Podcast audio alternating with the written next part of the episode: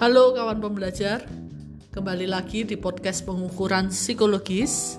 Kali ini saya akan membahas macam atau ragam pengukuran psikologis. Sebenarnya kita tahu bahwa ragam pengukuran psikologis itu kita bisa menggunakan alat ukur yang baku, artinya alat ukur itu sudah ada sebelumnya, sudah pernah divalidasi dan kita siap pakai saja, atau ada juga ragam yang kita sebut sebagai alat ukur baru.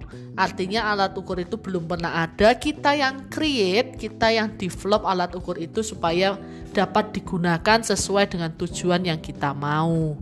Nah, baik alat ukur baru ataupun alat ukur baku, itu seharusnya kita melakukan uji validitas terlebih dahulu untuk memastikan bahwa alat ukur itu layak untuk kita gunakan dan dapat kita pakai secara tepat, cermat, dan akurat menjawab tujuan pengukuran kita. Khususnya nih teman-teman, kawan pembelajar, untuk alat ukur baku, biasanya alat ukur itu sudah dibuat diciptakan oleh seseorang sebelum kita. Nah, alat ukur baku itu ada yang sifatnya gratis, ada yang sifatnya berbayar.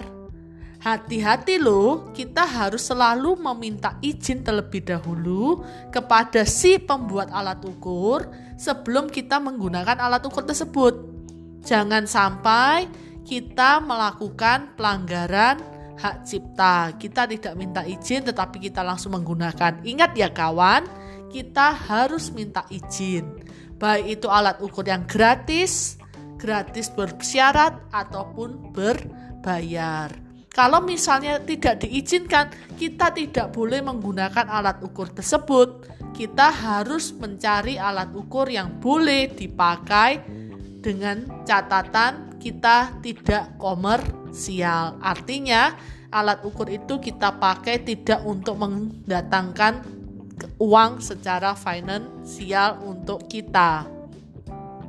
Ingat ya teman-teman, kawan pembelajar semua, bahwa alat ukur itu ada alat ukur baru dan alat ukur baku. Untuk mata kuliah ini yang diminta teman-teman adalah memvalidasi alat ukur baku yang sudah ada teman-teman membuat versi bahasa Indonesia dari alat ukur baku yang teman-teman temukan. Oke, see you. Selamat belajar.